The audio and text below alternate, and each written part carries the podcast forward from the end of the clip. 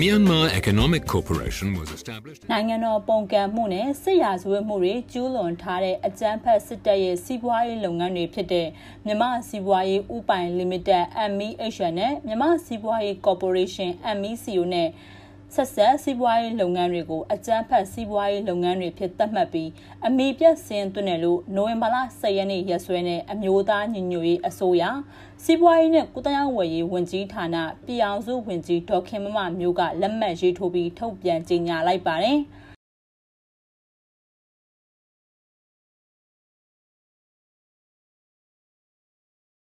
မြန်မာနိုင်ငံမှာစစ်အာဏာရှင်စနစ်အလုံးစုံပြတ်သုံးရေးနဲ့ကာလကြာရှည်စိုးမိုးမှုမရှိစေဖို့အတွက်စစ်အာဏာရှင်တွေရဲ့စီးပွားရေးလုပ်ငန်းတွေနဲ့ဝင်ငွေရလမ်းတွေကိုပိတ်ဆို့အရေးယူဖျက်တာကအလွန်အရေးပါတဲ့လုပ်ငန်းစဉ်တစ်ရပ်ဖြစ်တယ်လို့ဆိုပါတယ်။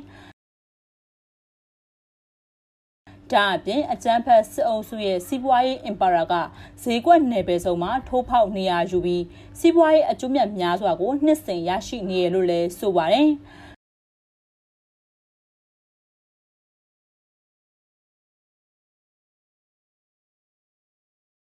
မြမစီးပွားရေးဥပိုင် Limited MEHN နဲ့မြမစီးပွားရေး Corporation MEC တို့ကတော့နိုင်ငံတော်ပုံကံမှုကိုထောက်ကူပြုပြီးမလျော်ဩဇာနဲ့စစ်တပ်ရဲ့လုတ်ပိုင်ခွင့်နဲ့အင်အားကိုအသုံးပြုပြီးစီးပွားရေးလုပ်ငန်းပေါင်းများစွာကိုလှုပ်ဆောင်နေတာကိုစီးပွားရေးနဲ့ကုသရေးဝယ်ရေးဝန်ကြီးဌာနရဲ့စီးပွားရေးဆိုင်ရာထောက်လှမ်းရေးညွှန်ကြားမှုရုံးတွေကနေစစ်စစ်တွေ့ရှိခဲ့လို့ထုတ်ပြန်ချက်ထဲမှာဖော်ပြပါတယ်။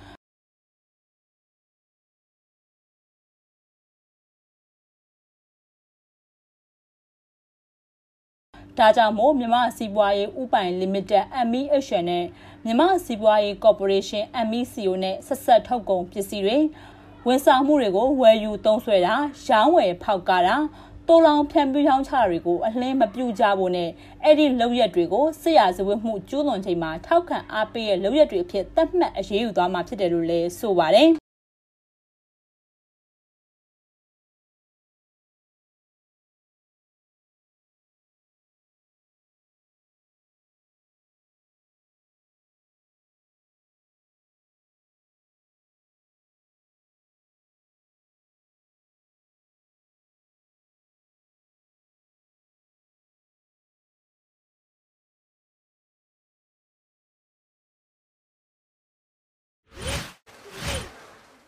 မြန်မာကျပ်ငွေနဲ့အမေရိကန်ဒေါ်လာငွေလဲလှယ်နှုန်းကိုသတ်မှတ်နှုန်းထားအတွင်းကပဲရောင်းဝယ်ဖို့နဲ့သတ်မှတ်ထက်ကျော်လွန်ပြီးရောင်းဝယ်ရင်အရေးယူမယ်လို့စစ်ကောင်စီရဲ့ဗဟိုဘဏ်ကနိုဝင်ဘာလ10ရက်နေ့မှာထုတ်ပြန်ကြေညာပါတယ်။နိုင်ငံခြားသုံးငွေရောင်းဝယ်ခွင့်လုပ်ငန်း AD လိုင်စင်ရဘဏ်တွေနိုင်ငံခြားသုံးငွေရောင်းဝယ်ခွင့် MC ဘဏ်တွေ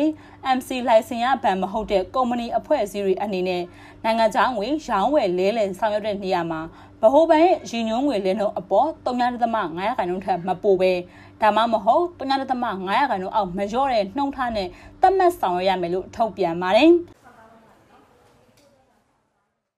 မြန်မာနိုင်ငံမှာကစစ်အာဏာသိမ်းပြီးတဲ့နောက်ပိုင်းမှာမြင့်တက်လာတဲ့အမေရိကန်ဒေါ်လာဈေးကိုစစ်ကောင်စီကတော့ထိန်းချုပ်ဖို့စ조사နေပေမဲ့လည်းပြင်ပဈေးကွက်မှာအမေရိကန်ဒေါ်လာက1900ကျပ်နဲ့အယောင်းဝယ်ဖြစ်နေရပါ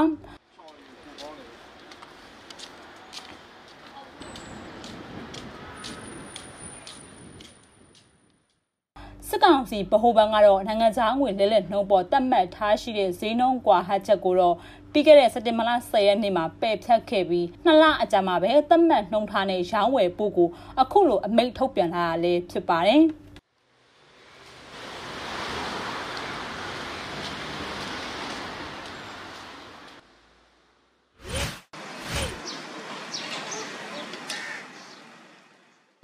ကျောင်းသားကျောင်းသူတွေရဲ့ပညာသင်ကြားရေးနဲ့ပတ်သက်ပြီးစာသင်ကျောင်းတွေမှာနှောက်ယှက်ချင်းချောက်မှုတွေကမိုင်မဲတဲ့လုပ်ရက်ဖြစ်ပြီးနိုင်ငံကိုဒုက္ခပေးနေရဖြစ်တယ်လို့အာဏာသိမ်းအကြမ်းဖက်စစ်ကောင်ဆောင်ကပြောဆိုပါတယ်။နိုဝင်ဘာလ9ရက်နေ့ကနေပြည်တော်မှာကျင်းပတဲ့စစ်ကောင်စီအစည်းအဝေးမှာစစ်ကောင်ဆောင်ဗိုလ်ချုပ်မှုကြီးမင်းအောင်လှိုင်ကတက်ရောက်အမှားစကားပြောရနေရမှာအခုလိုပြောဆိုခဲ့ရလဲဖြစ်ပါတယ်။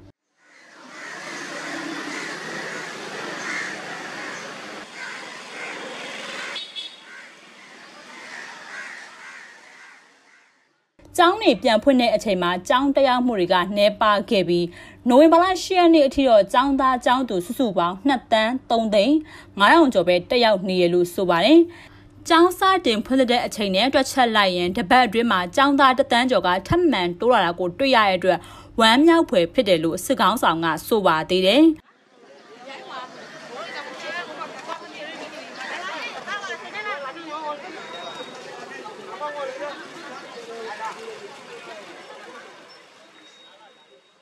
လုံခြုံရေးနဲ့ပတ်သက်လို့တော့ចောင်းသားမိဘတွေနဲ့ရက်ရွာအေဂျင့်တရားရေးကိုလိုလားသူတွေကဝိုင်းဝန်းကူညီစောင့်ရှောက်ပေးတဲ့အတွက်လေစာတင်ကျောင်းတွေမှာနှောက်ယှက်မှုကအနှဲငယ်ရှိပြီးအချို့နေရာတွေမှာတော့ချိန်ချောက်မှုတွေရှိရလို့စစ်ကောင်းဆောင်ကပြောဆိုနေတာပါ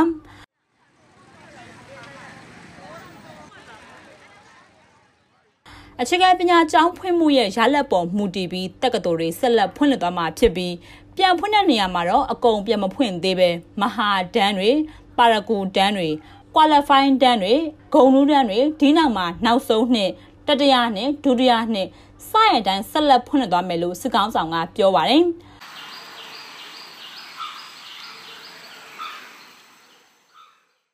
နိုဝင်ဘာလ၁ရက်နေ့ကနေစတင်ပြီးတော့တိုင်းနယ်ပြည်နယ်၉ခုကမြို့နယ်40ကျော်ကလွှဲပြီးတနိုင်ငံလုံးမှာရှိတဲ့ဘုံတော်ကြီးတင်စတင်ကျောင်းတွေအပါအဝင် အခြေခံပညာဦးစီးဌာနကကျောင်းတွေအားလုံးကိုစစ်ကောင်စီကပြန်ဖွင့်ခဲ့တာဖြစ်ပေမဲ့လည်းရန်ကုန်အပါအဝင်မြို့နယ်အတော်များများမှာတော့ကျောင်းတက်သူကမရှိသလောက်နှဲပါနေရလဲဖြစ်ပါတယ်။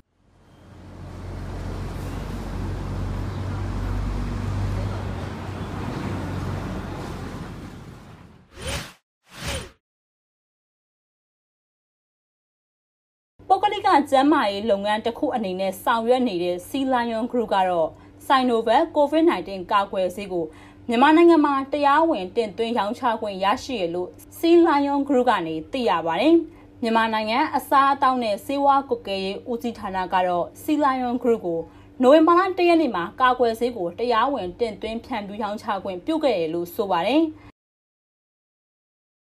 Sea Lion Group ကတော့ Sinovac Biotech Sinovac နဲ့ပူးပေါင်းပြီး Sinovac Coronavac R COVID-19 ကာကွယ်ဆေးတွေကိုမြန်မာနိုင်ငံမှာနိုဝင်ဘာလလယ်ကနေစတင်ပြီးရောင်းချဖြန့်ဖြူးမှာဖြစ်တယ်လို့စစ်ကောင်စီလက်အောက်ခံကျန်းမာရေးဝန်ကြီးဌာနကဆိုပါတယ်။ကာကွယ်ဆေးပထမအတုပ်ကိုတော့နိုဝင်ဘာလအတွင်းမှာမြန်မာနိုင်ငံထဲကိုရောက်ရှိအောင်စီစဉ်ဆောင်ရွက်နေပြီးလက်ရှိဈေးကွက်အတွင်းမှာကာကွယ်ဆေးအတုအပတွေကိုအွန်လိုင်းကနေတဆင့်ဒါမှမဟုတ်တခြားနည်းလမ်းတွေနဲ့ရောင်းချနေတဲ့ကာကွယ်ဆေးတွေက တရားဝင်တင်သွင်းလာတဲ့ကာကွယ်ဆေးတွေမဟုတ်တဲ့အတွက်ယောဂကိုကာကွယ်နိုင်တာမရှိတဲ့အပြင်ဘေးရန်နေဖြစ်ပွားနိုင်တဲ့အတွက်ကျန်းမာရေးဝန်ကြီးဌာနကတရားဝင်အသိမှတ်ပြုထားတဲ့ကာကွယ်ဆေးတွေကိုပဲထိုးနှံဖို့ကိုလည်းစစ်ကောင်စီရဲ့ကျန်းမာရေးဝန်ကြီးဌာနကထုတ်ပြန်ထားတာဖြစ်ပါတယ်။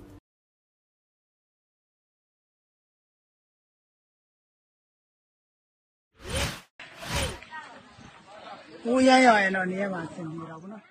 မြန်မာနိုင်ငံတလွှားကအကြမ်းဖက်မှုတွေကြီးထွားလာနေတဲ့အပေါ်အထူးစိုးရိမ်ကြောင်းနဲ့ပြဿနာကိုဆွေးနွေးညှိနှိုင်းဖြေရှင်းဖို့ကိုကုလသမဂ္ဂလုံခြုံရေးကောင်စီကတိုက်တွန်းလိုက်ပါတယ်အဖွဲ့ဝင်15နိုင်ငံပါဝင်တဲ့လုံခြုံရေးကောင်စီရဲ့နိုဝင်ဘာလ10ရက်နေ့ရဲ့ကြေညာချက်မှာပဲတိုက်ခိုက်မှုတွေကိုအမြန်ဆုံးရပ်ဖို့နဲ့စစ်တပ်ကအတက်နိုင်ဆုံးထင်းထင်းထင်းဆောင်ရွက်ဖို့ကိုလည်းတိုက်တွန်းထားတာဖြစ်ပါတယ်။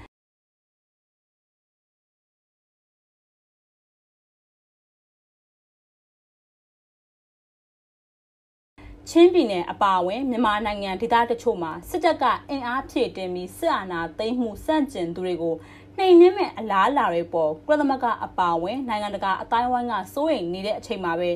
လုံခြုံရေးကောင်စီရဲ့ထုတ်ပြန်ချက်ကအခုလိုထွက်ရှိလာတာပါ